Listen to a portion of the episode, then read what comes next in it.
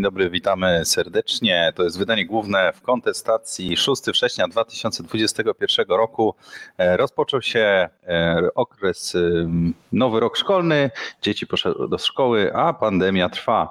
Ale dzisiaj trochę nie o tym, bo będziemy mówić e, też o mm, Wenezueli i mamy gościa, który nam o tym opowie.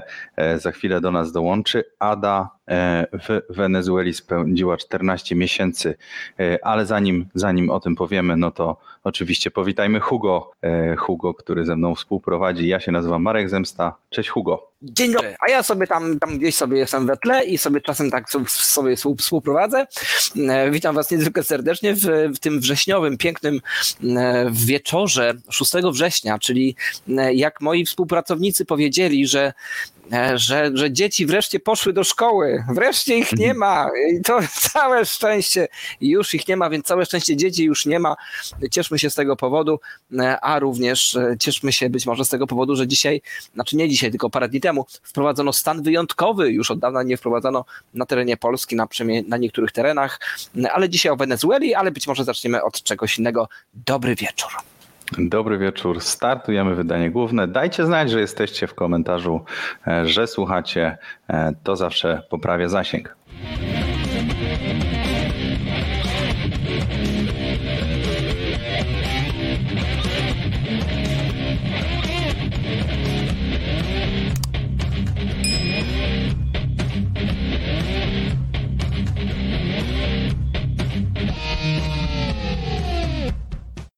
A wydanie główne oczywiście charakteryzuje się tym, że można do nas zadzwonić. E, zadzwonić można poprzez e, numery i adres, który się pojawia na dole.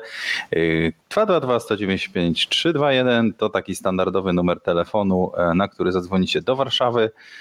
Kontestacja.com to nasz użytkownik na Skype'ie, ale preferowanym oczywiście sposobem dzwonienia jest E, adres kontestacja.com, którego można na każdej platformie, na każdym komputerze czy też telefonie otworzyć, smartfonie e, i można do nas wejść, udostępnić kamerę lub jej nie udostępniać i z nami rozmawiać e, i dzięki temu będziecie tak jak u nas widoczni, tak jak my tutaj i będziecie dobrze słyszeni. Więc zapraszamy, żebyście użyli zadzwońkontestacja.com, a ja witam już pierwsze osoby na czacie. E, I w międzyczasie, jeszcze zanim przywitam gościa, powiem, że można wrzucać kont, e, można wrzucać do nacje, tak? Ty mówisz do ta, nie dotacje, tylko do nacje. E, czyli, czyli, czyli po prostu wrzucać na piwki.kontestacja.com. Ten adres odwiedził w zeszłym tygodniu Corpo Programmer i puszczę teraz ile nam wrzucił, bo to naprawdę była spora kwota. Kontestacja. Korpo Programmer 500 zł. Urodziło mi się pierwsze dziecko. Chcielibyśmy dołączyć do akcji Oddaję 500. Czy ta akcja wciąż istnieje? Nasze pierwsze 500 na kontestację. Pozdrawiamy uśmiechnięta buźka. Dziękujemy serdecznie Korpo Programerowi. Tak, akcja dzieje. Ja dalej, dalej daję. E, od początku programu te 500 zł trafia na różne charytatywne akcje, a też akcje prowolnościowe typu Instytut Misesa, typu Lemy. E, zachęcam do tego samego i bardzo się cieszę, że e, w ten sposób również kolejna osoba się zdecydowała pieniądze oddawać, a nie brać od państwa i nie dawać się przekupywać. Ale to już może nie o tym. Powitajmy naszego gościa. E, witaj Ada. Cześć, witam Was. Witam Cię Marcin, witam Ciebie Marku. Dobry wieczór. Dobry wieczór. To może czyń honory Hugo, przedstaw kim jest Ada. E, no widzicie kim jest, znaczy, bo to jest, słuchajcie, w środowisku czasem występują takie osoby, które sobie bardzo podróżują i bardzo ryzykują. Nie? I jakby widzicie tak wizerunkowo, że to jest tak gdzieś e, w tym, w tych klimatach jest Ada w tym, w tym momencie i E, bo tak naprawdę nie jest celem przedstawienia to, żeby zrobić pełną biografię, e, tylko żeby troszkę tak zajawić do, do tematu, który nas dzisiaj czeka. E, więc Ada jest osobą, która rzeczywiście się nie boi, to po pierwsze, to, to stwierdziłem po tam researchu, który gdzieś tam zrobiłem wcześniej. Po drugie, podróżuje sobie po różnych dziwnych miejscach Ameryki Łacińskiej głównie. A trzecia, trzeci aspekt, który ją sprowadził tutaj do kontestacji, E, jest taki, że utknęła dosyć trochę mimowolnie, utknęła na, na dwa lata w, w Wenezueli, w kraju, który obserwujemy sobie tutaj e, w kontestacji od czasu, kiedy Hugo Chavez, no niestety tak, tak ma na imię, e, który postanowił sobie znacjonalizować wszystko po kolei. Znaczy, że zaczął od pól tam roponośnych, a potem poszedł dalej w reformy rolnicze i tak dalej. Wobec tego zauważyliśmy wtedy, że okej, okay, poobserwujemy sobie ten kraj, jak pięknie zdąża do katastrofy. Znaczy, że... Kontestacja. Obywatel Weigild. 5 złotych. Nie ma nic paskudniejszego niż prywaciarz, który cieszy się, że zabrać 500 złotych dziecku. Tak, tutaj Adam, musimy cię wprowadzić, że nasi słuchacze też właśnie próbują nam troszkę tutaj e, umilić. Troszkę przeszkadzają, ale troszkę z humorem, także mogą się tak, tak, tak, jakby Mo możecie irytować ludzi za, za 5 zł, za, za 15 byłoby lepiej. E, więc, więc Ada nam opowie, jak tak naprawdę, e, znaczy, co się działo w kraju, e, który my sobie obserwowaliśmy gdzieś tam medialnie, że to jest wprowadzany socjalizm, który nie ma prawa się udać, który doprowadzi do katastrofy, tylko kwestia kiedy i w jaki sposób. E, I zamiast obserwować teraz słupki, to teraz mamy tutaj bohaterkę, która tam była, nie przez dwa tygodnie w hotelu z basenem, tylko, w, tylko gdzieś w realnym życiu, mam nadzieję. E, I o tym nam opowie. Marku. W ogóle dzień ja? dobry. Tak. Dobrze. Zacznijmy od tego może, jak tam się znalazłaś, skąd ten pomysł na takie szalone podróże. Ja ogólnie tutaj na początku chcę poprawić, bo to nie było dwa lata. Y, to było już tak, powyżej roku, ale jeszcze nie dwa lata. To było dokładnie 14 miesięcy. No, ale zaokrągliłeś do góry, to może lepiej niż w dół, to, to dobrze wygląda w każdym razie. To prawie jak 24, no dobra. Prawie jak 24, no tam jeden czy tam dwa, to już mniejsza z tym. No ja przyjechałam, miałam przyjechać do Wenezueli na tydzień. Y, byłam wcześniej w Kolumbii, tam spędziłam 6 miesięcy. Y, poznałam tam taką parę, która ma rodzinę w Caracas no i tam ogólnie mieliśmy jechać do dżungli, to tak potem nie wyszło. To jest długa, długa historia, nie ma tutaj się trochę nad tym rozwodzić. W każdym razie pojechaliśmy do Caracas, mieliśmy pojechać tam dokładnie na 10 dni. Już miałam kupiony nawet lot z Caracas do Bogoty, tą dużą swoją walizkę, ten duży plecak ze swoimi rzeczami, których nie potrzebowałam na lekko ponad tydzień, zostawiłam w Bogocie.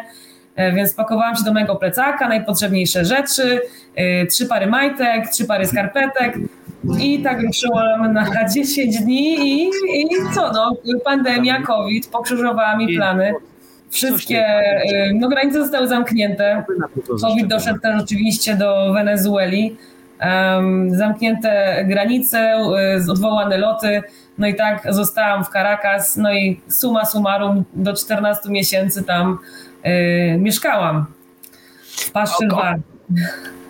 W Paszy Lwa. Dobrze, ale okej. Okay.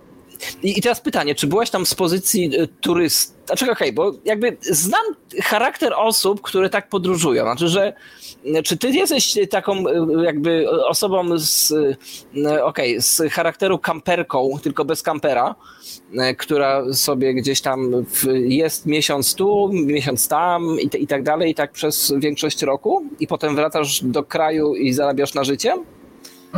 No, tak powiedzmy, różnie to bywało. No, ja od pięciu lat gdzieś tam e, podróżowałam, tu gdzieś szukałam różnych jakby pomysłów, jak te pieniądze zarabiać. Nie ma jakby stałego e, schematu tego, jak to moje życie wygląda.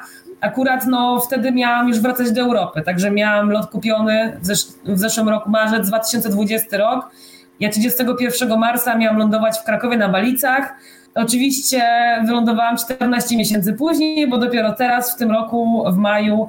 E, no ale myślę, że mm, z perspektywy czasu, patrząc na ten czas, który spędziłam tam, to ile wyniosłam, to, że mogłam założyć kanał na YouTubie i udostępniać filmy z Caracas i mam jeszcze dużo, dużo jeszcze materiałów, które czeka na edycję, na wrzucenie na internet, także wydaje mi się, że to było takim, to mnie popchnęło do przodu. I taki, powiem wam, a, oprócz takiej powiedzmy trochę zawodowej y, ścieżki, to tak y, mentalnie i duchowo wydaje mi się, że to było takie oczyszczające, no bo żyłam minimalistycznie przez 14 miesięcy o tych rzeczach, które ze sobą przewiozłam na ten tydzień. Tam kilka rzeczy dokupiłam, ale przez to, że nie wiedziałam, że tak długo będę, to zawsze mówiłam sobie, że nie będę już kupować tego czy tego, bo za chwilę wyjeżdżam, więc, więc tak nie wiedziałam do końca, kiedy wyjadę i, i nie myślałam, że to będzie aż tak długo. Tak, dokładnie. Od razu zareklamujmy, że, że Twój kanał nazywa się Gona Travel i tam można szukać filmów z Caracas, które, które udało Ci się nagrać. Dzięki bardzo. No, oczywiście. Dobrze, no to, no to utknęłaś, czy to jak, jakby, jakbyś mogła opisać, jakie to było doświadczenie, że byłaś tym jakoś zdruzgotana właśnie na tym etapie, bo rozumiem, że e, stało się to wbrew twojej woli ze względu na ograniczenia pandemiczne, czy tak? Tak, tak, tak, tak. No, to było jakoś tak, że chyba w czwartek był taki oficjalny pierwszy przypadek koronawirusa. Mój lot miał być w niedzielę, a w sobotę zamknęli granice i odwołali loty. No zareagowali bardzo szybko. Tak trochę mi to zaimponowało, a tak naprawdę to nie było zupełnie... Jakby COVID był dobrym pretekstem po to, żeby zamknąć ludzi w domach, prawda? Żeby nie wychodzili na ulicę, okay. żeby nie protestowali. To było na rękę reżimowi, więc dlatego taka szybka reakcja. Oczywiście propagandowo do informacji publicznej poszła wieść, że rząd tak super dba o obywateli i jest lockdown i są restrykcje i, i tak dalej, i tak dalej. No i na początku byłam zdruzgotana, ale to już nawet nie tym, że Wenezuela czy Caracas, tylko bardziej tym, że miałam, te, miałam ten lot, który został odwołany do Bogoty, a przecież z Bogoty, z Kolumbii miałam lot do Europy. I e, teraz e, ten lot po prostu mi przepadnie, przepadną mi pieniądze, no ostatecznie ten lot też został odwołany już później, no ale pierwsze dwa tygodnie to było, pamiętam, to była siedzenie na infoliniach do tych biur podróży różnych, dziwnych, które sprzedają tanie loty. I one są tanie, jak, jak się odbywają, to one są tanie i nie ma problemu, ale jak coś nie wychodzi po drodze i trzeba te pieniądze odzyskać, to są call center w Indiach, półtorej godziny na linii, jeszcze z Wenezueli dzwonić przez Skype'a, to naprawdę to, to był wyczyn, bo jak tylko się łączył, przerywał internet, to łączyło mi się, zrywało mi się połączenie i musiałam od nowu dzwonić i od nowu półtorej godziny. I tak te pierwsze dwa tygodnie to był stres i nikt nie wiedział, co to w ogóle będzie z tym COVID-em i z tą pandemią, więc to wszystko nowa sytuacja była dla mnie, więc no tak, rzeczywiście tak, tak. to był taki niefajny czas, niefajny czas, no ale później jak już wiedziałam, że zostaję, że muszę czekać cierpliwie, no to już rzeczywiście emocje opadły i no powoli zaczęłam tam się odnajdywać na miejscu. I całe te 14 miesięcy chcesz powiedzieć, że był taki moment, że nie można było w ogóle upuścić kraju? Powiem tak, no mnie proponowano na pierwszym, po dwóch tygodniach lot humanitarny do Europy, bo to było dla okay. obywateli Unii Europejskiej przybywających w Wenezueli, ale ten lot humanitarny kosztował 1000 dolarów i był jedynie realizowany do Madrytu. A Madryt i Hiszpania to było po prostu epicentrum całej, e, wszystkich tych zdarzeń pandemicznych w Europie. To po pierwsze. A po drugie, e, Polska miała zamknięte granice, do Polski nie można było wlecieć, więc ja bym mogła polecieć do Hiszpanii, e, do Polski nie wiem, jak bym się dostała.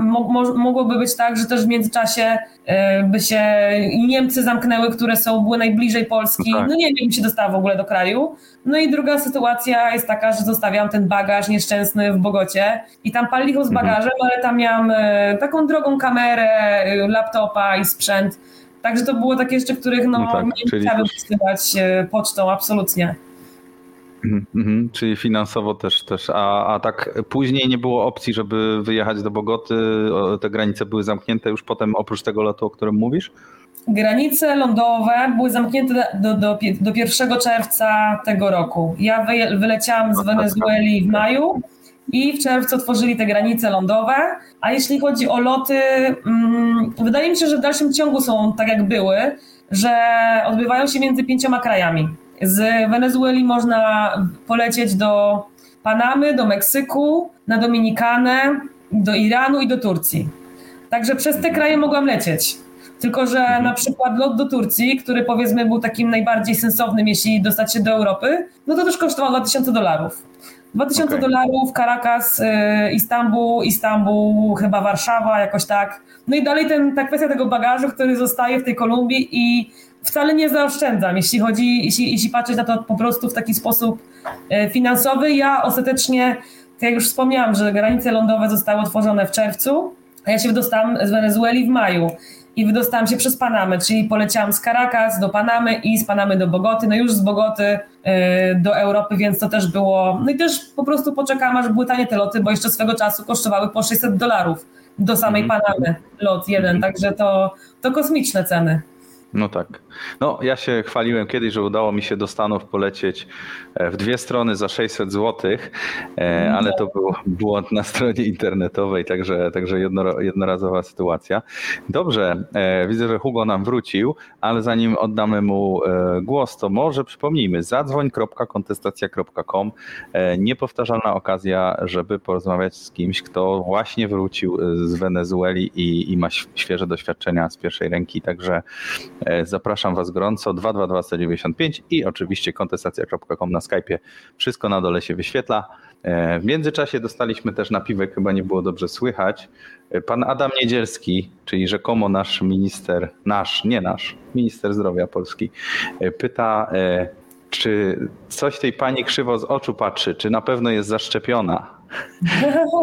Oczywiście nie będziemy tu naciskać, nie musisz nam e, mówić, jeżeli nie chcesz. Nie, nie Em. jestem zaszczepiona, ale nie wiem, czy to jest do, mile widziane, czy to jest źle widziane. Po prostu uważam, że to jest moja decyzja i nikomu nic do tego po prostu, zwyczajnie. Nie, No, nie ten, ten, nas ten jak słuchacz właśnie wciela się w, w rolę rządu, więc on tutaj non-stop reprezentuje taką właśnie postawę proszczepieniową. Dobrze, Hugo, twoja kolej. My nie jesteśmy TVN ani, ani, ani TVP. E, nie, nie oceniamy, to po prostu każda ma wolność. Słuchaj, bo, bo tak naprawdę y, powiedz mi, czy ty będąc w Wenezueli przez te 14 miesięcy, e, czy byłaś e, tam w pozycji osoby, która zarabia więcej niż lokalsi, czy mniej? Czy tak samo? Wiesz co, no zależy jacy lokalsi, bo w Wenezueli, Wenezuela jest krajem absurdów. Minimalna krajowa w Wenezueli wynosi 2 dolary miesięcznie. Tam ludzie po prostu kombinują, żeby jakoś koniec końcem związać. E, Urzędnicy państwowi też zarabiają 2 dolary miesięcznie. No ale oczywiście oprócz Ale tak real, realnie? No właśnie, tak realnie. to co dostają, e, wypłata ich wynosi tyle. A druga, e, jakby ich zarobek, to są łapówki. Więc Który oni z wynosi? łapówek muszą się utrzymać, więc dlatego e, Wenezuela jest krajem niesamowitych korupcji. No dobrze, ale, ale okej, ale mogę sobie wyobrazić, że jesteś policjantem, e, to możesz, czy urzędnikiem, no to tak jak w Polsce, tak jak we wszystkich innych krajach, e, to możesz pole, ulegać korupcji. No ale nie wiem, pracujesz na budowie, to kto ci da łapówkę na budowie? Poczekaj, poczekaj, że? Adam Niedzielski. 5 złotych. Wracaj do Wenezueli. Ale jak to? Za 5 złotych Panie to Adamie, mi na kawę Wenezueli. Dziękuję bardzo. Właśnie, no, dałbyś przynajmniej te, te dwa dolary byś dał. E, No ale okej, ale to, to powiedz mi, jak może, jak może brać łapówkę człowiek, który e, nie może brać łapówek, bo, bo za co? No wtedy, no nie wiem, no każdy jakoś tam kombinuje. No akurat y, tak szukam na bieżąco, co może jakiś taki człowiek na budowie, no. Y, no też prace takie budowlane, remontowe wykonuje się, wszystko odbywa się w dolarach, tak? Ale Okej. kraj jest zdolaryzowany nieoficjalnie i nielegalnie. To jest drugie pytanie, tak. Dobra, to przejdźmy z tych w takim razie. W takim razie w kraju, który ma inflację zupełnie absurdalną i która powoduje, a inflacja, czyli spadek wartości nabywczej pieniądza, czyli że jeżeli zarabiasz y, 100 zł, to to 100 zł jutro jest już nie warte 100 zł. No w Polsce mamy taką trochę lajtową wersję, ale to wszystko do tego dąży. Mhm. e, Dlatego się z tobą spotkaliśmy. Dobra, więc w takim razie, czy ludzie handlują w lokalnej walucie? Rozumiem, że nie, tak? Bo już opowiedziałaś, czy nie? E, E, W lokalnej walucie można kupić bilety autobusowe w autobusie i chyba tak naprawdę tyle. No. Okej, czyli Jeśli są płatności, które się odbywają w boliwarach, mm, to jest lokalna waluta We- Wenezueli, to one się nie odbywają w gotówce, tylko przez płatności, no przez przelew, przez płatności tak zwane Pagomobil, czyli płatności z telefonu na telefon, tak jak u nas powiedzmy coś jak Blik, oni mają też swoje, no i są płatności wirtualne, tak, bezgotówkowe, bo nie, nikt nie miałby nawet tyle gotówki, żeby zapłacić, tak, no w tym momencie, szkoda, że nie mam przy sobie, ale jeśli może później, jak będzie jakaś tam chwila, to ja skoczę do drugiego pokoju i wam pokażę, jaka jest równowartość w boliwarach yy, w gotówce. Zrobimy taką przerwę. Pewnie, Dobrze, to pewnie, jasne. Ale, ale, ale to, to za chwilę. Ale po- powiedz mi w takim razie, ale okej, ale jakby, to jakby roz- rozumiem, że, jakby, że transakcje tam odbywają się w, właśnie bezgotówkowo, w sensie bezpapierowo, e, ale w boliwarach wciąż, czy w dolarach już? Jak, jakby, jak się rozliczają? Słuchajcie, i- Idziesz sobie, chcesz sobie kupić e, kebaba, czy co tam jest aktualnie w, w tym kraju w, dogi z polską kiełbasą. tak? W street foodzie? Tak, no są ogólnie, to też jest ciekawe. Tak jak u nas jest, są kebaby, takim street foodem popularnym, tak w Wenezueli na ulicach Caracas to są budki z hot dogami. No i można sobie wybrać kiełbaskę do tego hot doga. No i takie królujące kiełbaski to jest Polaka, czyli polska kiełbasa, a druga to jest Alemana, czyli niemiecka, czyli jest A, kiełbas, tak? Tylko, że to wygląda trochę jak parówka bardziej, więc ja kiedyś nawet y, y, gdzieś na, w mediach społecznościowych wyrzuca, wrzucam zdjęcie, że dla nas to jest trochę wstyd, że te parówki są nazywane polskimi kiełbasami. Do mnie się dozwała ta firma, która te kiełbasy produkuje i sobie pytali, dlaczego y, ta polska kiełbasa nie jest polską kiełbasą. Ale już nie, od, nie, nie może nie odciągając od głównego tematu, bo ja mam taką e, cechę, że po prostu jest dużo dygresji. I odchodzimy od Okej, okej. I- Idziesz sobie kupić e, w takim razie hot doga polskiego, al, polskiego tam, nie, tam niemieckiego Tak. się nie kupuje. E, i, i, I co, i płacisz komórką i w, płacisz w, go, w walucie jakiej? Jeśli płacisz komórką, to w boliwarach. Konta w dolarach. Z tego co pamiętam, nie było w bankach. Chyba któr- niektóreś banki prywatne miały dopiero otwierać, że można było posiadać konta ym, dolarowe. Tak. Więc bezgotówkowo płacę boliwarami, a jeśli chcę zapłacić w gotówce, no to mam, to z reguły kosztuje dolara taki hot dog na, na ulicy, więc płacę dolarem. Okej, okej, czyli kosztuje to, okej, dobrze, Y, ale powiedz mi jeszcze w takim razie, za- zanim przejdziemy do takich kwestii humanistycznych bardziej, to jeszcze, jeszcze finansowe pociągnę. Czyli w takim razie taki człowiek musi sobie założyć takie konto. Czy to jest coś takiego, jak było w Polsce w latach 80., że, że przelicznik państwowy z dolara na, na lokalsy, czy tam te boliwary w tym, w tym momencie, jest, jest jakiś taki zbójecki e, i, i wtedy można było sobie wymienić pod peweksem gdzieś tam u, u kogoś, a to tam można sobie wymienić. Jak, jak, się, jak się w ogóle, jak, jak, w- jak wygląda Nie, wymiana walut? Właśnie nie w tą stronę, jakby tych walut się nie wymienia. Chodzi o to, że Zani, zanikasz. państwo jest dolaryzowane.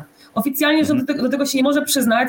No, Tak, dobra. No. Chodzi o to, że te y, y, wymiany tych walut się nie odbywają. Chodzi o to, że państwo jest zdolaryzowane, więc już myślę, że nawet 60% y, ludzi zarabia w dolarach. Po prostu dostają dolary do ręki, bo to jest prostsze. I jest to Nie- legalne.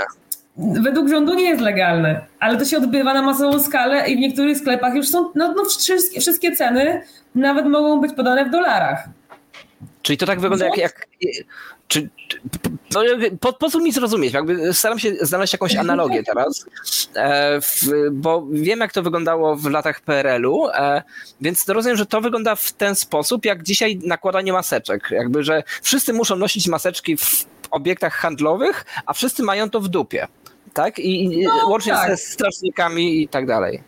Tak, no oficjalnie rząd powie, że dolar jest nielegalny, bo mają swoją walutę, którą jest boliwar, ale oni też sami przez to też robią niezłe biznesy na, na, na wielu różnych e, e, rzeczach i też sami korzystają z tych dolarów, więc oni sami by sobie po prostu zrobili źle, gdyby zaczęli to egzekwować. Więc mówią, że to jest nielegalne, ale i tak wszyscy używają dolara. I jakby jest trochę to takie zamiecione pod dywan. Niby jest, nikt tego nie widzi, no to jest, to jest absurd. To są absurdy Wenezueli. Niektóre rzeczy po prostu trzeba przeżyć, e, żeby powiedzmy zrozumieć albo zobaczyć, bo tego się, no, to ciężko jest wytłumaczyć po prostu.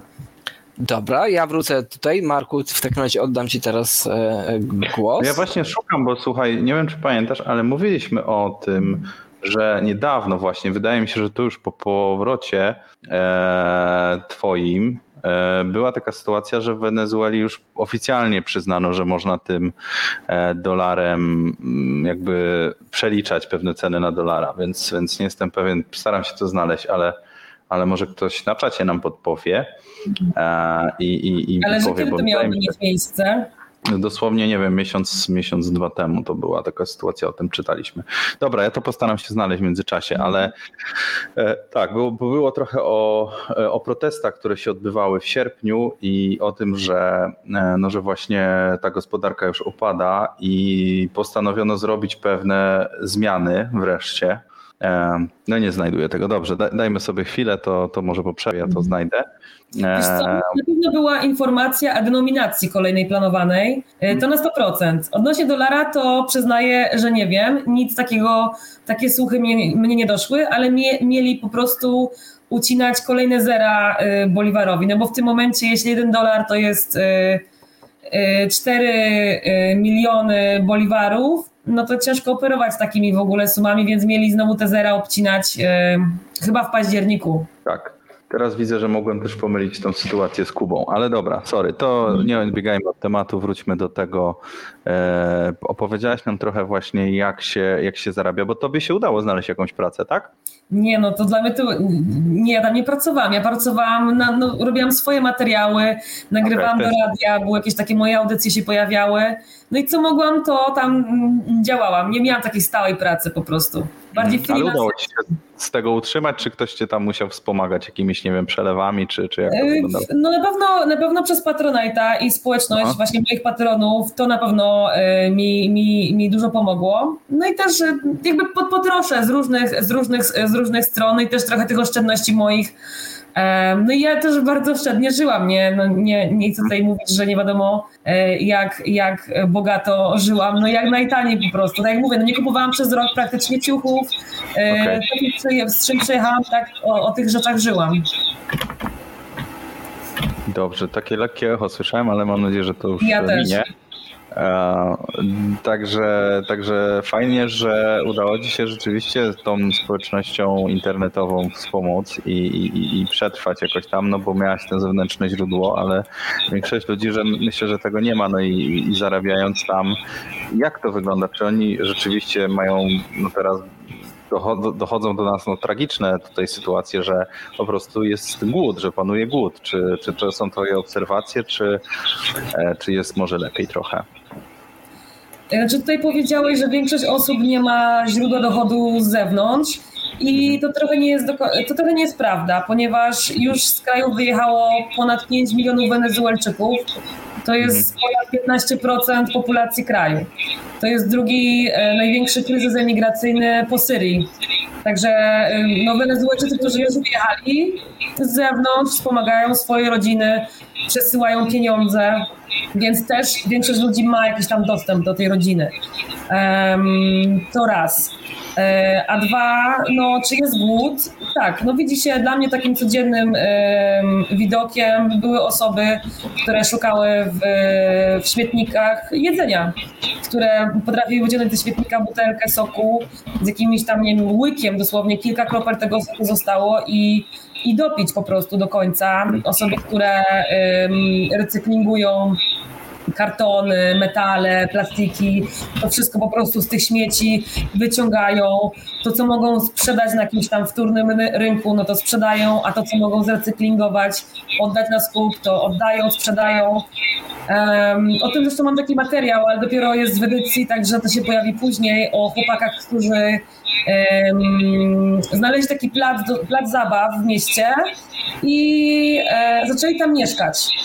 Ja myślałam, że to są ludzie bezdomni. Dopiero później, ich poznałam, okazało się, że oni tam mieszkają od poniedziałku do piątku utylizują ten, e, tą przestrzeń tego placu, placu zabaw, który był nieużywany przez dzieci, utylizują go e, na recykling makulatury, którą po prostu od poniedziałku do piątku zbierają z ulic Caracas i w piątek co tydzień przyjeżdża ciężarówka i te materiały po prostu od nich zabiera i oni na tym zarabiają, no nie wiem, 40-50 dolarów e, na tydzień po prostu i na weekend wracają do swoich rodzin.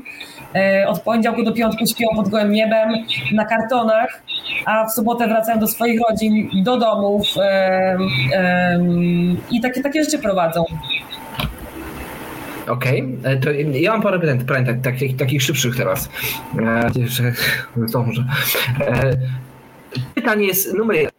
Jaki jest dostęp do, do informacji mieszkańców Wenezueli? Czyli do internetu, krótko mówiąc, to internet równa się informacja. Mhm. No, niektóre strony są poblokowane, ale y, myślę, że na Kubie więcej takich stron było poblokowanych niż w Wenezueli.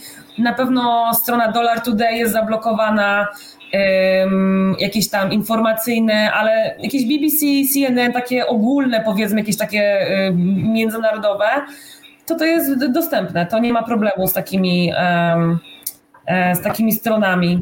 Dobra, to, jaki jest stosunek do władzy ludzi, którzy żyli w sposób zamożniejszy, czy nie? To jest podwójne pytanie w takim razie, to może, może się cofnijmy. Czy ludzie mają takie wspomnienia e, sobie, że, że hej, Mhm. e, kilkanaście lat temu było zupełnie inaczej niż teraz? Czy nie mają takich reminiscencji gdzieś tam? Tak, ludzie do tej pory wspominają, że za czasów świetności Wenezueli le leciało się na zakupy do Miami. E, Bolivar był e, 20 boliwarów, to było dużo więcej niż 20 dolarów. Za 20 boliwarów można było cały dzień e, spędzić w Miami na przykład. Więc Wenezuelczycy latali rzeczywiście na zakupy e, na, na 2-3 dni wracali do Caracas i na to było stać. Em, dlatego też trochę Wenezueli takiej kultury, takie jakieś lekkie naleciałości takiej kultury amerykańskiej się y, przejawiają i Wenezuelczycy o tym pamiętają, a ci zamożniejsi, ci, którzy nie żyją w socjalizmie, tylko żyją z socjalizmu, no to do tej pory tak mają. Bo to, co nakradną, e, no to, no to też, mogą, też mogą po prostu na weekend polecieć do Miami. E, I to dla nich się nic nie zmieniło. No, Okej, I, i, i, i w takim razie może jeszcze moje pytanie jest jedno. W takim razie, jeżeli oni mają dostęp do internetu, do informacji jakiejś tam, powiedzmy szerszej, e, i Mhm. mają właśnie wspomnienia o tym, że kiedyś było zdecydowanie lepiej, to jaki jest stosunek do władzy teraz? Ludzie, ale poczekaj chwilę, sponsor. Obywatel Weigild. 5 złotych. Imperialistyczne świnie jak zwykle obsywają swoimi dolarami świat, zagruzowując naszą drogę do socjalizmu. Ja mam większe zaufanie do Boliwara. Solidny, sprawiedliwie dystrybuowany pieniądz. Waluta sprawiedliwości i dobrobytu. No proszę. Tak, No to tak. zapraszamy do Wenezueli właśnie. Może właśnie ty wyjedź, obywatelu. Okej. Więc, więc, e, po, po, powrac- powracam do, do pytania. E, Jakby, bo, bo mamy jakby tam te wszystkie gdzieś tam obrazki z placu Tiananmen, z naszych gdzieś tam e, okolic wszystkich, którzy żyli w 80 90 latach w Polsce. My żyliśmy, mam, znaczy ja żyłem przynajmniej, Marek też. Więc jak to tam wygląda? W sensie ktoś się buntuje, ktoś ma, mówi, że to jest coś nie tak, czy nie? Y, Były największe protesty. One miały miejsce w 2014 i w 2017 roku. I rzeczywiście ludzie protestowali. Tygodniami, miesiącami koczowali w namiotach, protestowali. Bardzo dużo ludzi zginęło. Bardzo wiele studentów, młodych ludzi. Niektórzy nawet y, tam, gdzie ja mieszkałam, w tej, w tej, w w tej, w tej drugiej dzielnicy, e, były na latarniach, na słupkach, na ulicach pozawieszane krzyże i były po prostu daty chyba uro, urodzin i, i śmierci. I wiele z tych osób miało na przykład 18 lat, 19 lat, 23. To były bardzo młode osoby i wydawało im się, że coś osiągną. No ale niestety, no jakby wojsko jest po stronie reżimu, tak? Więc y, takim normalnym obywatelom jest bardzo ciężko przeforsować i cokolwiek zmienić y, protestując. To się kończy albo po prostu utratą życia, albo wtrąceniem do więzienia politycznego, gdzie trafia, trafia, trafia, jak, się, jak ktoś trafi do więzienia politycznego, to może stamtąd już nie wyjść, albo wyjdzie nie wiadomo kiedy i nie będzie miał kontaktu z rodziną, nie będzie miał żadnego procesu sądowego, po prostu będzie gnębiony i maltretowany y, czasem no po prostu w paskudnych warunkach, w celach y, bardzo ciasnych, bez dostępu do jedzenia, do, do, do, do, do picia regularnego, no to, to coś paskudnego. Więc ludzie, no ci, co mieli protestować, protestowali, y, to nic nie wniosło. No i teraz po prostu no, czują się tacy trochę bezradni. Poza tym, no, nawet jakiś tam protest czy wyjście na ulicę w tym momencie kończy się tym, że przyjeżdża policja i rzucają tymi, jak to się nazywa, te takie... e, Kok- koktajle. Koktajl, tak, tak. No i przy tym też ludzie po prostu tracą wzrok, y, mają no, problemy potem ze zdrowiem, a w kraju takim jak Wenezuela, no to niestety jak coś ci się stanie ze zdrowiem, no to, no to umierasz po prostu tak czy siak, więc ludzie po prostu jakoś, ci co się przyzwyczaili, to się przyzwyczaili, y, niektórzy dalej po prostu ciągną tą nędzę, ci co mogli wyjechać, wyjechali, a ci co żyją z tego socjalizmu, to dalej tam żyją socjalizmu i ciągną ile się da tych pieniędzy, żeby się nakraść, i potem na przykład kupić sobie willę w Hiszpanii e, i sobie tam dostatnie żyć do końca swoich dni. To ja mam jeszcze dwa pytania, ale, ale tak, ja je zostawię na, na, na za, za Marku, na, za, za Markiem. Dobrze, no to, no to właśnie to, czyli, czyli twoim, twoim zdaniem ludzie wiedzą, że jakby system jest zły i że system gdzieś na zewnątrz, taki bardziej wolnorynkowo-kapitalistyczny byłby dla nich lepszy, tak? I tylko jedynie władza jest w stanie siłą utrzymać ten status quo, tak? Tak, tak, oczywiście. No, większość Wenezuelczyków jak najbardziej zdaje sobie sprawę to, z tego, co się dzieje w kraju. Ale oczywiście jest też odsetek ludzi, którzy y, no, są czawistami, y, byli czawistami i są dalej czawistami. y, I wychodzą z takiego założenia, że nasz komandante Chavez był cudownym człowiekiem em, i jeśli nasz komandante Chavez powiedział, żeby za, zagłosować na Maduro, żeby zaufać władzy tego nowego prezydenta, no to my ufamy Nicolasowi Maduro i e, wierzymy w rewolucję boliwariańską itp. itd. To są głównie ludzie ze środowisk biedniejszych, bo wiadomo, że Chavez bardzo faworyzował e, ludzi, którzy mieszkają w slumsach, którzy żyją biednie, bardzo, na, na, pozwalał im na bardzo, bardzo wiele, rozdawał im e, jedzenie, możliwości, pracę, no i tam wiele takich no, ciekawych rzeczy, na przykład takie prawo, które pozwala na tak zwane nielegalne zasiedlanie y, lokali. Czyli na przykład powiedzmy, jeśli ja mam mieszkanie w Caracas i ja powiedzmy jadę sobie na wakacje, na dwa tygodnie nie mam mnie w Caracas i w ciągu tych dwóch tygodni y, ktoś mi się włamie do mieszkania, jakaś rodzina z szóstką dzieci, włamią się do mojego mieszkania i tam zaczną sobie mieszkać. Ja wedle prawa wenezuelskiego nie, mam, nie mogę ich wyrzucić stamtąd. Mimo tego, że jestem właścicielem, ja ich nie mogę wyrzucić. Takie prawo ustanowił Chavez, więc ci biedni y, no go uwielbiali. No i niektórzy oczywiście stracili, e, stracili wiarę w rewolucję, jak przyszedł do władzy Maduro. No Maduro już totalnie nie ma tej charyzmy, jaką miał Chavez. To nie jest ta sama osobowość, jaką, jaką miał poprzedni przywódca. Więc niektórzy po prostu już zobaczyli na oczy, przejrzeli na oczy, zobaczyli, że to po prostu ta rewolucja boliwariańska nie wyjdzie. No ale są tacy zagorzali, którzy rzeczywiście dalej w to wierzą i, za, i mają, mają minimalną na przykład pensję, te dwa dolary, ale dalej wierzą w tą rewolucję boliwariańską i mają swoje argumenty oczywiście na wszystko. Mhm. No to w takim razie y, warto zapytać jeszcze o jedno wyjście, które pozostaje tym ludziom, czyli oczywiście emigrację. Patrzę teraz na wykres i no widać ewidentne tutaj załamanie, szczególnie właśnie w tych rok, roku 2015 przestaje rosnąć ludność Wenezueli i zaczyna spadać z 30 milionów do 28,5. E, Pewnie te dane nie są jeszcze w pełni e, nie oddają jakby ogromu tego, czy ta e, alternatywa jest dla, dla, dla ludzi e, wyjściem, czy się słyszy w ogóle o tym, że, że ktoś rozważa taką opcję. Tak, tak. No nawet wiele takich e, filmów e, powstało jest na YouTubie. Em, ostatnio nawet oglądałam Caracas, w, tłumaczeniu na polski Caracas, miasto pożegnań. I to są rozmowy z młodymi ludźmi, którzy właśnie rozważają wyjazd i, i tam wspominają takie, e, takie rzeczy jak właśnie, no przede wszystkim zarobki. Niektórzy wspominają to, że no po prostu chcieliby o trzeciej nad ranem móc spokojnie z imprezy wrócić do domu, nie bojąc się o swoje życie. Takie totalnie podstawowe rzeczy. No i tak, a propos tych statystyk, to prawdopodobnie nigdy nie dowiemy się, ile dokładnie tych Wenezuelczyków wyjechało, bo wiele z nich wyjeżdża nielegalnie. I podczas pandemii też nielegalnie przekraczali granice. Najwięcej Wenezuelczyków znajduje się w Kolumbii. E, No ponad 2,5 miliona, tak się szacuje, że jest, e, że jest ich tyle e, w sąsiednim kraju w Kolumbii. Część z nich również dociera do Peru, do Ekwadoru. Ci, których nie stać na, po, na podróż, idą na piechotę.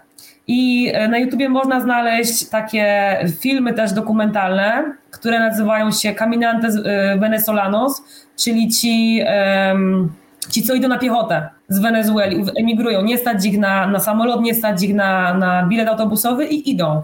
I po drodze po prostu mają jakieś takie, są miejsca, e, gdzie się zatrzymują, mogą sobie coś ugotować. Kolumbijczycy też tam jakiś, jakiś, w jakiś sposób im pomagają. No i docierają do, do innych krajów i tam zaczynają nowe życie. Em, więc to i w dalszym Czyli ciągu. da się to zrobić jakoś bez, bez jakiegoś ryzykowania życiem, jest, jest szansa przejść przez granicę, tak? No, czy nie ryzykowania życiem przez samą granicę zawsze jest jakieś ryzyko. E, Granica jest obstawiona e, gerillią, paramilitarnymi. Też słyszałam ostatnio, są opłaty. Za, każdy, za każdą sztukę bagażu oni po prostu pobierają opłatę, więc trzeba mieć pieniądze, żeby im dać. A jak się im nie da tych pieniędzy, no to nie wiem, jak się ta sytuacja kończy. E, Oni są, oni są uzbrojeni. E, No i też jest to, to, są, to, są- to są szlaki e, przerzutu narkotyków również. Więc tam jest ruch i to tam trzeba uważać, bo jak się, jak się sp- spotka nie tych ludzi, co trzeba i się pójdzie taką trasą, która jest może nieznana, no to różnie się może skończyć. Okej. Okej, i, i ja mam teraz takie, takie pytanie, okej, jeszcze, jeszcze, ciągnąc ten wątek, czy to wygląda tak jak granica z PRL-em, e, w, która się nam zamknęła na, na, na cały świat i tam ktoś tam krążył, ale tam różnie, czy to wygląda jak, jak granica z Meksykiem teraz, e, z, tam wiadomo z jakim krajem, E, czy to jakoś inaczej wygląda, w sensie jak łatwo jest uciec z tego kraju? Myślę, że powiem tak. I na Facebooku istnieje grupa, która, y, no nie pamiętam, nazywa się chyba Granica Kolumbijsko-Wenezuelska, y, Zielona Granica, jakoś tak. I na tej grupie jest y, ponad chyba 100 tysięcy ludzi. I na tej grupie na Facebooku ludzie się, ludzie się dzielą kontaktami do taksówkarzy, do kierowców, którzy znają te miejsca po prostu przekraczania tej granicy, do ludzi, którzy pomagają nosić bagaże, którzy mogą przeprowadzić kogoś, kto nigdy nie szedł przez, przez taką zieloną granicę. I to jest tak wszystko zorganizowane, y, no tak jak w Ameryce Południowej. Jeśli ktoś ma pieniądze, Jaki to zawsze po drugiej stronie znajdzie się ktoś, kto za te pieniądze wyświadczy nam taką i taką usługę. Więc jeśli ktoś ma trochę tych pieniędzy zaoszczędzonych, żeby dojechać na tą granicę i mieć za te łapówki, to wchodzi na tą grupę, szuka kontaktów i nie ma żadnego problemu. Nie ma żadnego problemu, żeby dostać się do Kolumbii. Oczywiście największym problemem są po prostu pieniądze. Za jaką kasę można wyjechać z, Kolum- y, z y, Wenezueli? Ech, nie chcę teraz tak mówić, bo to się zmienia i wiem, że rok temu nie było aż tak drogo, teraz jest drożej. Ym, powiem tak, nielegalnie, czyli bez paszportu, tamte opłaty. Myślę, że z transportem z Caracas, żeby być po granicy kolumbijskiej i mieć pieniądze na łapówki po drodze, no to jakieś 150 dolarów trzeba mieć, przypuszczam, na osobę. Mhm. A legalnie, legalnie to trzeba zacząć od tego, że trzeba wyrobić e, paszport. Paszport w Wenezueli kosztuje 200 dolarów. No jego wyrobienie też jest, trochę trwa, to jest Wenezuela. Ale e, zacznijmy od tego, że to właśnie jest taka kwota, na którą Wenezuelczycy sobie w większości nie mogą pozwolić po prostu. Mhm. No bo trzeba tam oszczędzać. Tak z miesiąc nic nie jedząc, tak rozumiem. Przy oficjalnej No jak pensji. minimalna pensja jest 2 dolary, ktoś zarabia minimalną, no to ciężko. No tak, ale ktoś, ktoś komuś się uda, zakładam, pracuje już w jakimś normalnym kraju, no to te 150 dolarów chyba jest w stanie w miarę zarobić i po prostu ściąga kolejnych. Chyba tak to się dzieje, jak się działo z Polakami, e, z Ukraińcami, z wszystkimi innymi narodami, które emigracji doświadczyły. E, Słuchajcie, w takim razie ja proponuję tą krótką przerwę teraz i Ada, możesz skoczyć, pokazać nam te banknoty, e, a ja zaraz powiem, jak się do nas dzwoni. Także chwilowa przerwa. Thank you.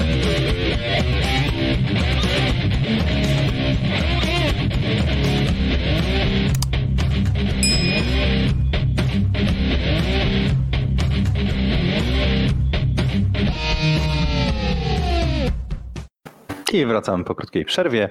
To jest wydanie główne w kontestacji Radiu Ludzi Wolnych. E, Radio Kontestacja e, zakłada, że można do nas dzwonić w poniedziałki po 21. Jeżeli słuchasz nas na żywo, to zapraszamy Cię do wpisania adresu zadzwoń.kontestacja.com. Jest to adres, pod którym się otwiera takie okienko, e, gdzie można sobie sprawdzić, czy działa mikrofon, czy działa e, kamerka, e, włączyć kamerkę albo jej nie włączać i się dostać do nas do audycji i za, z nami po prostu na żywo rozmawiać. Niepowtarzalna okazja zadać Adzie pytanie. Jeżeli nie, 222 195 321 lub kontestacja.com na Skype'ie. Naszym gościem jest Ada Jończyk, która wróciła Jańczyk. z Wenezueli. Jańczyk. O, to ja Karczek! Gdzieś skopiowane źle, przepraszam, bardzo trzeba poprawić. E, gdzieś miałem skopiowane źle, dobrze. E, wracamy, wracamy do audycji, także dzwońcie na piwkikontestacja.com, również e, chętnie przyjmiemy. Co nam masz do, do pokazania? O, straciłem Hugo. Hugo, jesteś na miucie. Eee, przepraszam bardzo, że, że, że moja riposta nie była tak dynam, dynamiczna. Coś tutaj słabo mnie się zasięgnie. Tak, już wam pokazuję. Wszyscy się Już wam wygaszamy. pokazuję równowartość jednego dolara w boliwarach. Wow, Dużo papieru. i kolorowe, słuchajcie. Różne kolorki tam mają. A, ty, No i- a, a, a, a, powie- teraz, teraz Ada Ada nam zanika. Powiedz mi, Ada, czy to jest plastikowe, bawełniane, czy, w, czy papierowe? O, teraz wróciłam, bo takie miałam troszkę opóźnienia, coś mi tutaj skakało z połączeniem. Yy, jeszcze raz pokażę, bo nie wiem, czy to w ogóle widzieliście. Tak, tak, widzieliśmy. Ciężko mi to wszystko rozsunąć, to jest jeden dolar. Świetnie. Wow. Z jakiego materiału to jest e, wykonane? Hugo się pytał. Jakiś plan? Aha, jaki materiał? Taki jak, no nie wiem, jaki papier, papier. Jaki rodzaj papieru, to nie jestem pewna. Wiem, że te nowsze, nowsze boliwary drukują w Turcji, na których też jest zrobiony po prostu przekręt, bo e, Turcja wystawia jakiś tam rachunek, a ktoś, kto się tym zajmuje, yy, wystawia większy rachunek, różnicę sobie po prostu zabiera do kieszeni i tak są po prostu prane pieniądze, e, kradzież na każdym kroku. e, Także tak, w Turcji drukują pieniądze. Tak, swego czasu właśnie mówiliśmy o tym, e, że e, nie jest w stanie e, Wenezuela zapłacić nawet za druk własnych pieniędzy, no ponieważ nikt nie chce tych boliwarów brać, bo one tracą na wartości, innych jakichś tam dóbr nie są w stanie, a sami nie potrafią wydrukować tych pieniędzy, nie są w stanie tego papieru wytworzyć, bo po prostu przemysł no niestety podupada.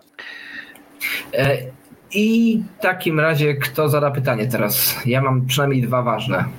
No To ja, ja- ja to ja się jeszcze tylko zapytam w takim razie może jak wyglądają takie, no nie, słyszy, nie słyszysz mnie dobrze, ja się zapytam, e, czy jak wyglądają takie usługi e, tak zwane typu służba zdrowia, policja, czy w ogóle można liczyć, że jak mi się coś stanie, no przy, przykładowo mogę e, być chory po prostu na, zarazić się COVID-em, czy jest to, jest to ciężka sytuacja czy do przejścia, czy jeszcze służba zdrowia w ogóle działa? Służba zdrowia wygląda tak covidowo. Yy, Na cały kraj jest nie więcej niż 100 respiratorów. Na całą. Wenezuelę. Na te 28 milionów ludzi 100 respiratorów w publicznych szpitalach. Yy, Trzy czwarte szpitali nie ma stałego dostępu do bieżącej wody, a już nie mówiąc o mydle czy środkach sanitarnych, jak na przykład rękawiczki czy maseczki. Większość lekarzy sobie musi sama o to zadbać. No i słyszałam mnóstwo takich historii, że ktoś idzie na operację i ludzie sobie biorą swoją pościel, swoją poduszkę, y, jakąś tam kołdrę, prześcieradło. Y, Słyszałam historię, że trzeba zakupić sobie, tam ktoś miał jakąś operację, ten cały aparat do, oddechowy. y, Ktoś musiał sobie sam go kupić na czarnym rynku, żeby w szpitalu po prostu mieli sprzęt.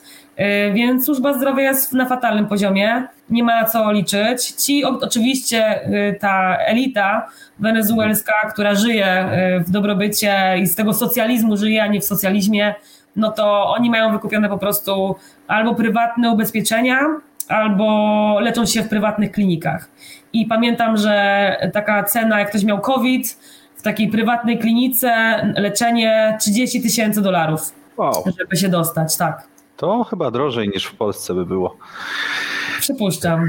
No, e, no dobra, czyli, czyli to nie działa. Policja na przykład, gdyby się okazało, że ktoś cię okradł, czy można liczyć na to, że się to gdzieś zgłosi, czy w ogóle jest bezpiecznie w jakimkolwiek stopniu? Mm, Nie, no raczej, raczej i policji jest dużo. Tak, Mhm. policji jest dużo, ale najczęściej e, jak widzę policję, to po prostu są, to jest policja, która jest w telefonach. Oni sobie siedzą na Facebooku, e, nie wiem, przeglądają jakieś tam Twittery, czytają, nie wiem co robią, ale w większości są na, w telefonach. W telefonach. Mam nawet gdzieś tam e, ponagrywane filmiki pięciu policjantów na skrzyżowaniu na, na ulicy i wszyscy pięcioro po prostu w telefonie.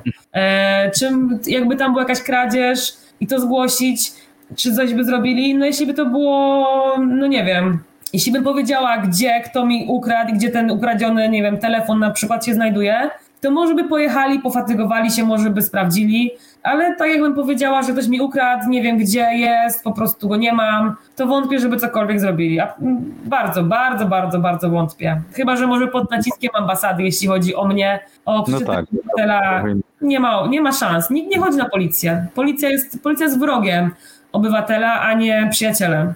A je, je, jeśli chodzi o takie no, po, poważniejsze przestępstwa, czy rzeczywiście, nie wiem, jest strach w ogóle jakieś, jakieś miejsca niebezpieczne, czy nie wiem, że ktoś ci może zaatakować, porwać, jak się czułaś? Wszędzie w Caracas może się coś stać i e, to nie musi być w, w, nocy, może też być w ciągu dnia i bardzo wiele przestępstw jest popełnianych w ciągu dnia. E, Telefony, telefon na ulicy, telefonu na ulicy nikt nie wyciągnie. Nikt. Chyba, że ma taki telefon za 10 dolarów kupiony, po prostu jakieś takie Nokie stare, to tak, to wtedy ludzie wyciągają, no bo się nie boją, że, że zostanie ukradziony. Yy, najczęściej właśnie są to tak zwani motorizados, czyli zmotoryzowani, którzy jeżdżą na motorach, yy, jest dwie osoby na motorze, jed- jedna prowadzi, a druga z tyłu po prostu wyrywa telefon z ręki. Idzie, idzie ktoś ulicą i potrafią ci wyrywać telefon z ręki, yy, szybka akcja, wyrywają, odjeżdżają, nie ma, no nie ma, nie ma słuchu po prostu. Swego czasu, jeszcze kilka lat temu, bardzo popularne były tak zwane porwania express, sequestro express. E, Nawet jest taki film wenezuelski, ja go jeszcze nie oglądałam, ale o, tej samej, o tym samym właśnie tytule. I te porwania ekspres polegały na tym, że podjeżdżał samochód e, do osoby na ulicy, wciągali tę osobę e, do samochodu i w tym samochodzie jeżdżąc po mieście po prostu ją okradali z telefonu, z pieniędzy, z kart kredytowych, no i później tę osobę wyrzucali wrzucali na ulicę. Ja zresztą na YouTubie wrzuciłam ostatnio też film, który, gdzie spędziłam e, kilka godzin e, z człowiekiem, który jest bezdomny. Żyje na ulicach Caracas, no i żeby przeżyć, kradnie. Kradnie i też porywa, porywał, akurat on porywał kobiety. I wprowadzimy do takiego miejsca, do takiego lochu, gdzie były różne jakieś torebki, jakieś buty, jakieś obcasy e, i to były po tych kobietach. No i on po prostu mówi wprost, że to są rzeczy tych kobiet. I oni po prostu w dwie, trzy osoby te kobiety e, biorą z ulicy, sprowadzają do tego, do tego lochu, tam je trzymają, no i dopiero osoby, które przyjeżdżają na ratunek tych kobiet, e, zostawiają jakieś pieniądze, to jest jakiś okup, no i te kobiety są wypuszczane. Także to jakby może się zdarzyć wszędzie i też na biały dzień wystarczy, że ktoś do mnie podejdzie, położy mi rękę na ramieniu i mi powie po prostu, że za mną idzie osoba, która ma broń i żebym teraz cichutko, e, na spokojnie wyciągnęła jakiś, nie wiem, telefon, pieniądze i wręczyła mu, e, bo jeśli tego nie zrobię, to osoba, która jest z tyłu ma broń i, i mnie zastrzeli. I każdy, każdy w Wenezueli ma przynajmniej jedną taką historię, że został okradziony. Nawet powiedziałam, że średnio dwie, trzy historie takiej kradzieży i e, często jest tak, że jedna z tych historii jest to historia, która, e, gdzie, była, gdzie była broń, że podjeżdżał e, ktoś z bronią, pokazywał, że ma broń, no i, no i wiadomo było o co chodzi, tak? Trzeba po prostu oddać to, co się ma, żeby nie stracić życia. No nie wiadomo, czy to jest prawdziwa broń, czy nieprawdziwa. Może być tak, że nie jest prawdziwa, ale to się ktoś może przekonać albo się już przekona jednorazowo, na zawsze, nie? No, Okej, no to- to- to- to bardzo ciekawe. Ja mam takie dwa, dwa pytania jeszcze, bo ja wiem, że czas, czas nam się kończy, ale mam dwa ważne pytania, ale to jakby trzecie wywołałaś teraz. E, czy można posiadać broń, jako będąc uczciwym obywatelem, że ty masz broń, a ja też mam broń i wtedy się bijmy. Można posiadać broń, tak od tak, czy nie? Nie wiem, jak to jest prawnie, szczerze mówiąc. Wydaje mi się, że nie, ale nie chcę tutaj mówić, dawać mojego słowa, bo tego nigdy nie sprawdzałam. Ale jak ktoś chce mieć broń, y, to z Ameryka Południowa. To wystarczy, że, że po prostu trzeba zapytać kilku osób o kontakt do osoby, która tą broń nam sprzeda. Nielegalnie, ale tą broń możemy dostać. Myślę, że w ciągu tygodnia można taką broń załatwić. 500 dolarów kosztuje broń. E, Tak mi powiedział ten bezdomny, e, 500 dolarów, nawet można wypożyczyć broń, e, też to kosztuje 500 dolarów, e, bo wypożyczasz broń, robisz co chcesz i oddajesz. Mhm. No, jest ok, ale jakby, pytania teraz. Jak będzie czas, to jak jeszcze przedłużysz chwilkę, to, to się spytam, wrócę do broni. E, Powiedz mi e, dwie rzeczy tak naprawdę. Po pierwsze, czy w Wenezueli jest demokracja? I to jest podchwytliwe pytanie, wiem. Czy można sobie co 4, 5, 6 y, czy 8 lat wybrać kogoś innego? E, Od tak? I czy to nie będzie zafałszowane za bardzo? Y, Nie ma demokracji. Ostatnia demokracja, jaka miała miejsce, to były wybory y, Hugo Chaveza w 1998 roku i to były ostatnie demokratyczne wybory w tym kraju. Podczas mojego pobytu w Wenezueli w zeszłym roku w grudniu, y, dokładnie to był chyba 6 grudnia 2020, miały miejsce wybory parlamentarne. I e, oczywiście podane są jakieś tam wyniki do wiadomości publicznej. To wszystko jest zafałszowane. I ja osobiście widziałam, jaka jest frekwencja. Widziałam, że, e, ludzi, że, nie, ma, że nie ma ludzi przed tymi ośrodkami wyborczymi, em, więc ta frekwencja nie mogła wynosić tyle. W moim mniemaniu, to jest moja ocena, oczywiście tutaj po prostu naoczna, e, na pewno ta frekwencja nie wynosiła tyle, co oni, ją, co oni podawali. Poza tym w 2017 roku, i też mam cały film zresztą na YouTubie o tym, o tym, dlaczego nie ma w Wenezueli wolnych wyborów i tam opowiadam całą historię, dlaczego te wybory nie są demokratyczne, także zapraszam, ale powiem tak teraz w skrócie, żeby odpowiedzieć na pytanie. W 2017 roku firma, która zajmowała się organizowaniem wyborów, bo wybory w Wenezueli są zautomatyzowane. E, Co to znaczy? To znaczy, że są maszyny wyborcze, gdzie ktoś przychodzi pod tą maszynę wyborczą już po sprawdzeniu dowodu i sprawdzeniu tożsamości i on na tym komputerze po prostu dokonuje głosowania. E, I e, podczas tych wyborów prezes tej firmy powiedział publicznie, że według ich wyniku, według ich wydruku z tych maszyn, a porównując do tych, do tych wyników, które były podane przez rząd oficjalnie do wiadomości publicznej, różniły się o 2 miliony głosów. Czy tam, nie pamiętam dokładnie o ile, ale różniły się dość, dość sporo. I oczywiście po tym jego publicznym wystąpieniu e, i, po, i przyznaniu, że te wybory były sfałszowane, ktoś tam te głosy pozmieniał i dodał, ta firma została wyrzucona z Wenezueli. Wszystkie te maszyny zostały zagrabione przez rząd. No i skończyło się, skończyła się współpraca.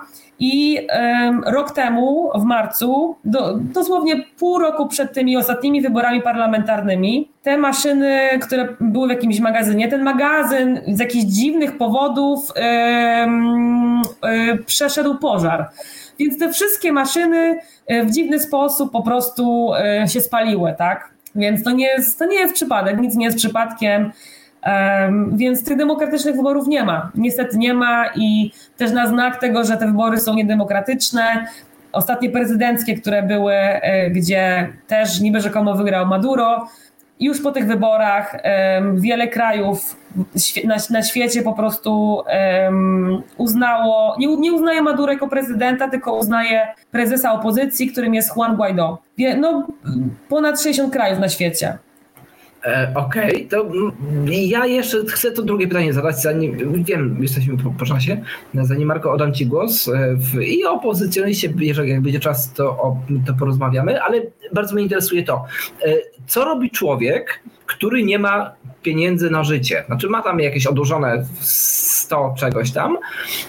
I teraz, czy to jest, jak wygląda Wenezuela, jak wyglądała w momencie, kiedy się przyglądałaś jej, Czy to jest model taki, że jak jest Azja, Azja że hej, w takim razie mam, e, w, nie wiem, mam e, stolik, mam palnik i mogę robić naleśniki. I idę i je robię po prostu. Nie pytam się nikogo o pozwolenie. Czy to wygląda tak jak w Polsce, że hej, no mam palnik, mam, robię naleśniki, ale muszę zdobyć pozwolenia sanepidu, założyć działalność gospodarczą, odprowadzać ZUS, y, zarejestrować się i tak dalej. Czy to wygląda, przykład ostatni już, e, czy to wygląda jak PRL, że no co ty, to ja- jakie naleśniki? Tu nie ma naleśników, w tym kraju nie ma naleśników w ogóle. Tutaj w, aresztujemy cię i cię rozstrzelamy za chwilę. E, Czy to jakiś model pośredni gdzieś tam? I co robi człowiek, który nie ma pieniędzy, a ma pomysł?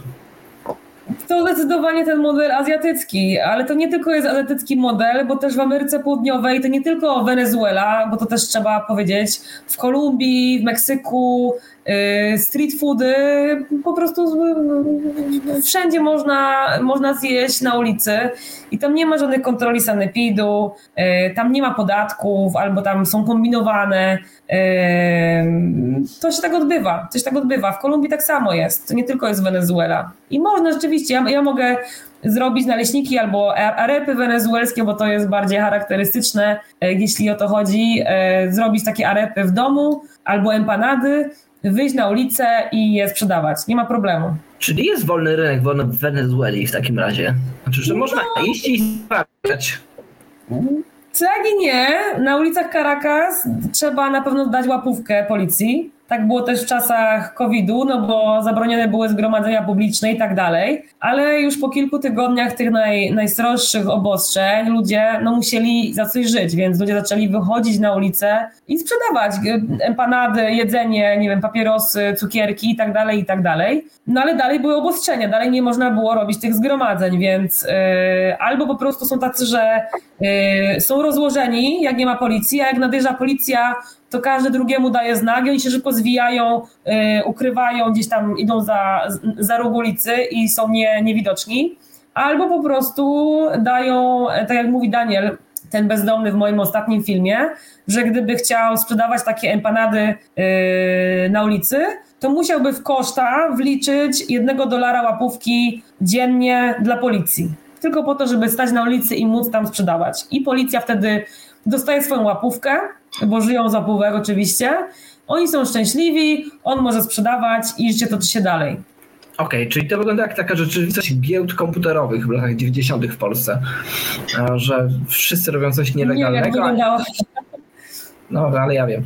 E, Okej, ale jak się pojawia policja, to wszyscy, wszyscy się zbijają. Marku, proszę, oddaję Ci głos. W takim Dobrze, razie to już- zakończmy tak jakby może tym, co pytaliśmy naszych poprzednich gości, bo mieliśmy gości e, niedawno z Australii, e, ze Szwecji i jak, jak właśnie wyglądała e, pandemia e, na, w Wenezueli. Mówiłaś trochę o służbie zdrowia, ale jak wyglądały obostrzenia, czy, czy były właśnie jakieś zakazy, siedzenie w domu, czy, czy tego typu rzeczy tam się zdarzyły? Na początku rzeczywiście ulice były puste, y, po prostu niesamowicie puste, tam nie było żywego ducha.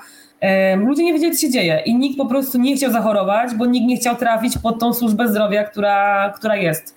No ale po jakimś czasie y, jakby każdy też zaczął gdzieś tam się rozeznawać sam y, i, i no też po prostu głód, tak, to, że mu- musieli wyjść na ulicę i zaczęli wychodzić, tak, no bo musieli dać, no jak ktoś ma rodzinę, to musi dać dzieciom coś, coś, dać coś do jedzenia. Nie ma, nie ma tak, że jest pandemia. Em, więc, e, więc później, po tych takich pierwszych tygodniach rzeczywiście tego ostrego lockdownu, e, kwarantanna wyglądała w taki sposób, że to, to, to był taki wymysł prezydenta Maduro, który trwa do dzisiaj, że jest tydzień kwarantanny radykalnej, po czym jest tydzień kwarantanny luźnej. No i tak na przemian. Tydzień radykalnej, tydzień luźnej, tydzień radykalnej, tydzień luźnej. No i w tej radykalnej nie można się y, przemieszczać między y, innymi departamentami y, w kraju, e, jeśli nie ma się pozwolenia. Większość takich biznesów, restauracji powinna być zamknięta. Oczywiście to jest Wenezuela, każdy kombinuje, więc często jest tak, że z zewnątrz na przykład restauracja wygląda na zamkniętą, ale jak się zapuka, i oni zobaczą, że to nie policjant, to wpuszczają i, i dużo rzeczy tak się po prostu e, odbywa. No i e, w kwarantannie radykalnej tak powinno być. Już ostatnimi tygodniami jak jest, tego mojego pobytu to rzeczywiście ten tydzień kwarantanny luźnej i radykalnej, e, to, to czasem nie było widać różnicy tak naprawdę. No właśnie patrzę tak też znowu wracając do e, wykresów, które bardzo lubię, e, jako że tak, taki mam zawód. E, patrzyłem sobie właśnie, spójrzmy na to, na przykład na, na Chile, na inne kraje, no te, te, te wykresy zachorowań są takie dosyć, no, mówi się o pewnych falach, mówi się o pewnych wzrostach, a jak mam wykres wenezuelski, to on jest taki dosyć płaski, więc nie wiem, czy tutaj ktoś sobie właśnie nie, nie, nie wypłaszcza tego, albo, albo ta statystyka coś nie, nie dochodzi, albo po prostu z jakiegoś powodu pandemia ma w ogóle inny prze, przebieg, jeśli chodzi o zgony i, i zakażenia. I co ciekawe, też sobie policzyłem, że e, mniejsza śmiertelność jest dużo, bo wyszło mi, że z tych statystyk, które tutaj mamy, śmiertelność e, w całym okresie była na poziomie 1%, gdzie właśnie w Chile, w Polsce, no generalnie w innych krajach e, to, to, to, to dążyło do około 2%. Więc coś tutaj mi się nie podoba. Słuchajcie, to jest, to jest kraj reżimowy, który nie mhm. przyzna się. Statystyki tam nie istnieją. Te statystyki nie są prawdziwym odzwierciedleniem pandemii. Im nie można ufać. Mhm.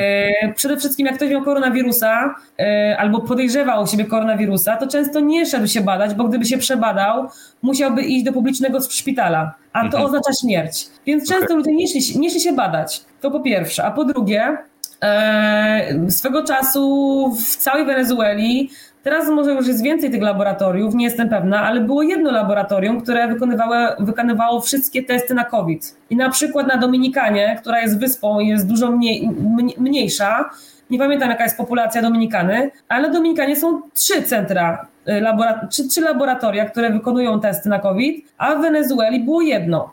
E, mhm. Może teraz zrobili więcej, to rzeczywiście nie, nie wiem, bo nie śledzę tego, nie, nie interesowało mnie to. Może teraz są też trzy, ale oni fizycznie nie byli w stanie przerobić dziennie y, tych testów, więc te wyniki tych, tych testów na COVID, one były mm, z opóźnieniem trzytygodniowym. Więc jeśli ktoś na przykład przebadał się tak. na COVID, y, dostawał czasem wynik po trzech tygodniach, a to, to, było bez sensu, tak? I oni przez to, że mogli przerobić, e, no nie wiem ile teraz tam dziennie przerabiają, ale swego czasu dziennie nie było więcej zachorowań niż 1200 no dziennie podawanych, bo nie można wykonać więcej testów, więc tak, tych zachorowań nie, nie może wynikać. Widzicie, panowie z rządu, tak się wypłaszcza krzywą, brakuje testów, albo testy są zbyt powolne. Okej, okay, świetnie, to, to, to, ciekawe kolejne spojrzenie e, właśnie na pandemię z kolejnego miejsca. Ja tutaj jeszcze szybko patrzę na czata i pyta się Lord Bleak, czy kojarzysz e, kanał Bez Planu, i, bo, bo tam pamiętam, że on też był w Wenezueli. E, tak, nawet dzisiaj z Bartkiem zamieniłam, zamieniłam kilka słów. Zresztą Bartek, dzięki Bartkowi mój kanał się wypromował, bo taki jeden z takich pierwszych filmów, które nagrywałam w Caracas, Bartek go oglądnął i u siebie też na kanale promował mój kanał. Dzięki temu e, mój kanał zaczął, zaczął rosnąć i jego widzowie też zaczęli oglądać Wenezuelę u mnie na kanale, więc e, tak, ja no, osobiście się nie znamy, ale znamy się wirtualnie z Bartkiem, tak. Okej, okay, świetnie. Widzę, że Hugo nawet e, znowu ma jakieś problemy techniczne, więc ja już nie mam pytań. Czy chciałabyś jeszcze coś przekazać, czego może nie daliśmy radę zapytać? Może coś ciekawego, jakieś jeszcze informacje E, co, co by mogło naszych interesować słuchaczy. To może jakieś pytania, jak ktoś ma, to ja bardzo chętnie odpowiem, bo tak, tak można by o Wenezueli gadać godzinami. To bardzo ciężko jest taki kraj e, pełen absurdów, e, streścić tak naprawdę i tak opowiedzieć o wszystkim. Bardzo, bardzo ciężko. Mhm. Czy macie jeszcze jakieś pytania? Jeżeli tak, to wrzucajcie na czata naszego. Ja przypomnę oczywiście, że można jeszcze szybko zadzwonić. Zadzwoń kontestacja.com 222 195 321 i kontestacja.com na Skype'ie, a możecie nas słuchać na e, falach e, kanału YouTube'owego Kontestacja TV, na Facebooku Kontestacja i na Twitchu to są kanały na żywo, e, a dostępni jesteśmy później również, jeżeli nie zdążycie e, na e, Odyssey i na, w audio jesteśmy na Spotify'u, na Podbean i na Ankorze można sobie pobrać w MP3, wygodnie sobie można posłuchać gdzieś um, też w formie audio, także zapraszamy. Czy Wenezuelczycy są przystojni? Pyta Kacper. Yy, różnie, no jest, jest duża mieszanka yy, Wenezueli, bo są i, i biali, bo dużo, są, i dużo jest potomków Europejczyków, bo jak były te czasy świetności yy, po odkryciu ropy naftowej, czyli odkryto, odkryto ropę w latach 30. yy, XX, wieku, więc zaczęli napływowo e, emigrować Europejczycy, więc dużo z potomków Portugalczyków, Włochów, Hiszpanów, Francuzów, e, Polaków też trochę, no nie tak dużo, ale, ale również, również było. E, Ta czarna ludność, która kiedyś była, ma taką, no, byli niewolnikami za czasów e, e, koloniz- kolonizacji, więc jest taka spora mieszanka tych Wenezuelczyków i na wschodzie Wenezueli są czarni, w Caracas jest spora mieszanka, więc no nie wiem, są i, są i tacy przystojni, są mniej przystojni, Wenezuelki są za to przepiękne, także Wenezuelki na pewno urodą nadrabiają, e, no i znane są, prawda, te wszystkie konkursy e, Miss Piękności, to jest też po prostu kolejny sektor e, przemysłu kraju tak naprawdę i to one są wszystkie wyoperowane wszędzie, gdzie się da, Także to jest cały jeden, cały jeden biznes. Ada, to ja cię, ja cię spytam jakby bardziej konkretnie, jeżeli chodzi o, o Kacpra, jakby wczuję się w jego rolę teraz. Aha. Czy, czy, to, okay, czy e, jeżeli masz w perspektywie e, Polaków, w sensie w Polsce i Wenezuelczyków, gdzie jest więcej fajnych ciach?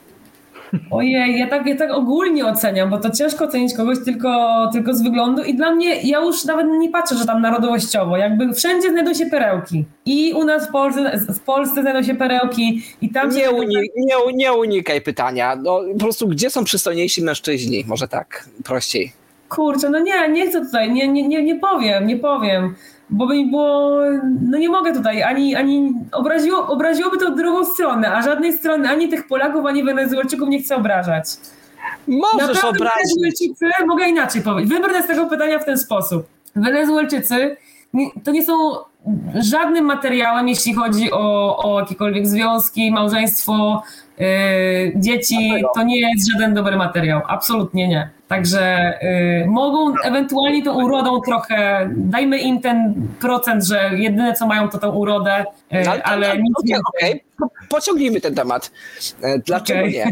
Dobra, znaczy po- poza tym, że zarabiają 2 dolary dziennie, to, to, to rozumiem, ale czy coś poza tym też nie nastawia ich na mężczyzn twoje, twojego, twojego życia, jakbyś się wczuła e, w poszukiwaczkę e, uczuć?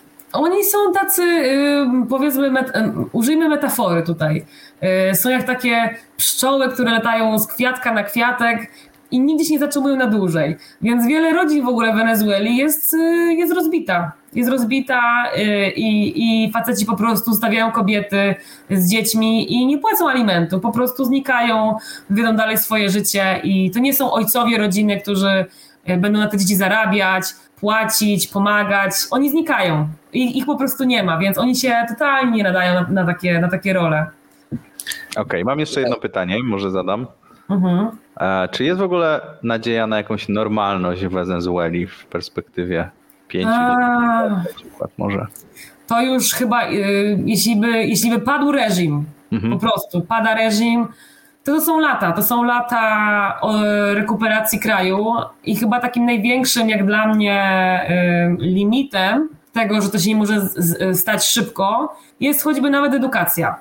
Przez to, że nauczyciele zarabiają te 2 dolary miesięcznie, no to wiele z nauczycieli po prostu przestaje uczyć, bo woli zrobić te empanady, te arepy, wyjść na ulicę, bo tego dolara zarobią w ciągu dnia, y, a nie w ciągu miesiąca, więc y, no i też no nie, ma, nie ma żadnych środków, żeby, żeby w edukację inwestować, więc dzieci są fatalne, są do tyłu. Już te dzieci, które idą do szkoły teraz są do tyłu, więc jak one będą dorosłe, to one nie będą w stanie udźwignąć tego kraju, nawet jeśli by ten reżim padł, więc to są po prostu generacje, które będą musiały e, pracować nad odbudową, tak, e, i pchnąć ten kraj do przodu, a kraj ma zasoby, zasoby mineralne, jest bogaty, e, ziemia jest bogata, może tak, na której, na której jest Wenezuela.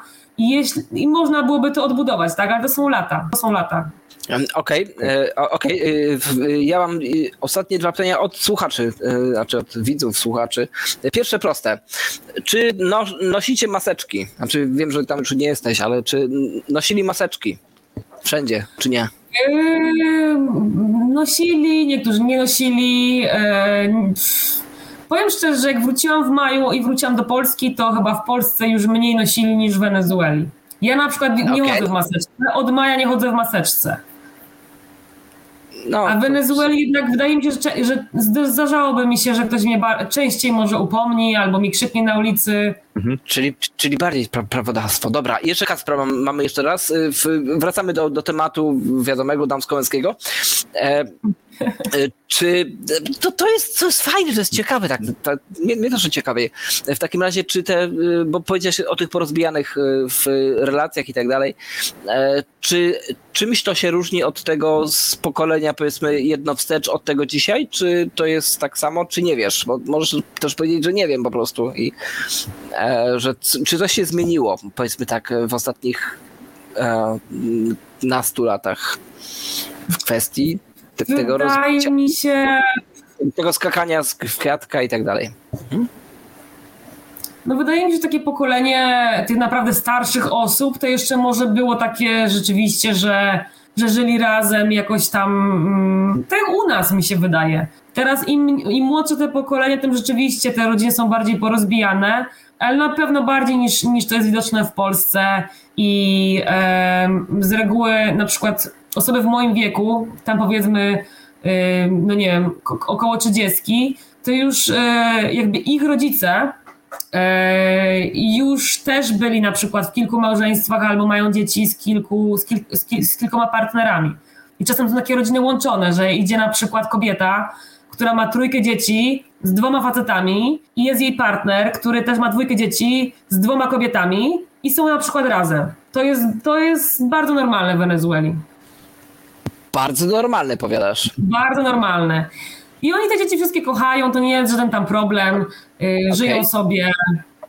Okej, fajne, czy, czy, czy fajne, w sensie, że cie- ciekawe, to, to chciałem powiedzieć bardziej, nie, nie, nie że fajne, Ciekawe. ciekawe. Tak, ciekawe. ciekawe. No inna kultura, inna kultura. Oni żyją z dnia na dzień.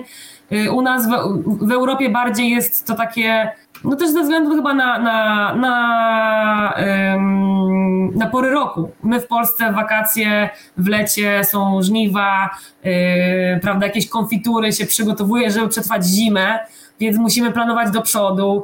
Z reguły my bardziej planujemy, tak? Oni tam nie mają jak planować, bo oni nie oszczędzają, więc to nie jest tak, że on sobie zaplanuje, że dzisiaj coś oszczędzi, yy, bo jak będzie oszczędzał, to sobie tam kupi samochód. Nie, on, on nie, nie kupi sobie nigdy samochodu, więc on żyje dzisiaj. I on ma dolara dzisiaj, on tego dolara dzisiaj wyda na jedzenie, na śniadanie, na kolację i jutro zaczyna od nowa, zaczyna znowu od zera. I tak jest każdego dnia. Okej. I- Dobrze. Jak w jednym ja filmie. w razie zakończę. Zakończę brutalnie. Ktoś tu jeszcze coś pisze? Nie, to już są jakieś komentarze. Dobrze, dzięki w takim razie Wam za udział, e, drodzy słuchacze. Dziękujemy Adzie, która jest e, właścicielem kanału Gona Travel. Jeszcze raz go tutaj zadeklarujemy, za, za, zareklamujemy, pokażemy e, na YouTubie. 84 firmy, głównie rozumiem o Wenezueli, więc no na pewno jak Wam się spodobał ten temat dzisiejszy, to zajrzyjcie i zasubskrybujcie. E, Na pewno wszystko, co nie powiedzieliśmy, to będzie Wam tam łatwo znaleźć. E, Dziękujemy Ci serdecznie za udział i, zapraszamy, tak, tak jak mówię, do, do odwiedzenia Twojego kanału. Dzięki, że e, spędziłaś z nami tą godzinę 20 minut i opowiedziałaś nam o sytuacji w Wenezueli. A to było wydanie główne w kontestacji. Dziękuję bardzo. Dzięki. I Marcin Hugo-Kosiński też się żegna. Dobranoc. Żegnamy do zobaczenia za tydzień, a do tej pory oczywiście jesteśmy dostępni na kontestacja.com e, i tam są wszystkie nasze audycje i wszystkie te źródła, e, w których można nas znaleźć. Dobranoc. Dobranoc.